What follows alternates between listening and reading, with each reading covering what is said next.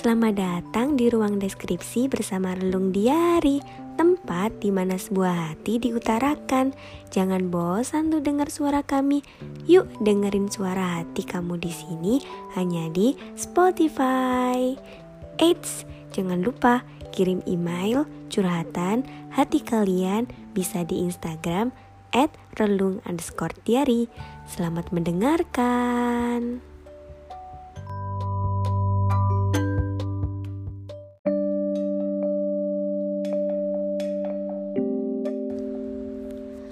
Padahal dulu kita saling sama-sama. Entah apa pun yang terjadi, kayaknya kita nempel terus. Selalu bareng, gak terpisahkan. Dari hari demi hari, bulan, tahun. Eh, kukira kisah ini bakalan indah terus. Tahu-tahu Ternyata akan ada masanya perbedaan dan perubahan kami saling asing. Iya, udah gak saling sama-sama lagi. Udah gak bisa boncengan berdua. Gak bisa beli sebelah maklor cimol dan ya jajanan spesial martabak telur. Kesederhanaan waktu itu memang singkat Padahal aku mendambah bahwa keadaan itu akan bisa terjadi selama-lamanya sampai batas waktu yang tidak bisa ditentukan. Tahu-tahu kalau jalannya uh, kayak gini, ya kemungkinan jangan berekspektasi tinggi lah ya waktu itu. Jadi insecure kayak kita nggak usah ekspektasi lah terhadap apa pun yang ada di bumi ini. Jangan naruh harapan pada apa pun yang ya bisa jadi ke depannya bakal berubah. Manusia emang makhluk yang bisa berubah-ubah. Kita nggak pernah tahu kapan mereka bisa berubah entah itu besok, lusa, ya nggak akan bisa ditebak.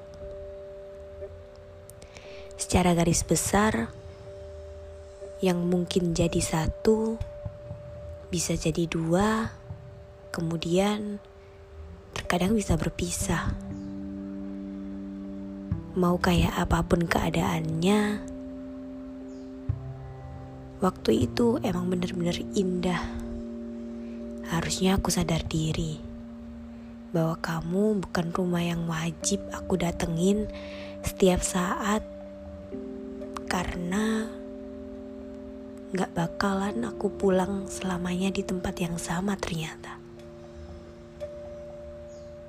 Harusnya ya sejak awal aku ciptakan rumahku sendiri yang di dalamnya tidak melibatkan siapa pun termasuk kamu. Cuma ada aku dan catatan-catatan kecil. Ya, kamu gak perlu tahu sebenarnya.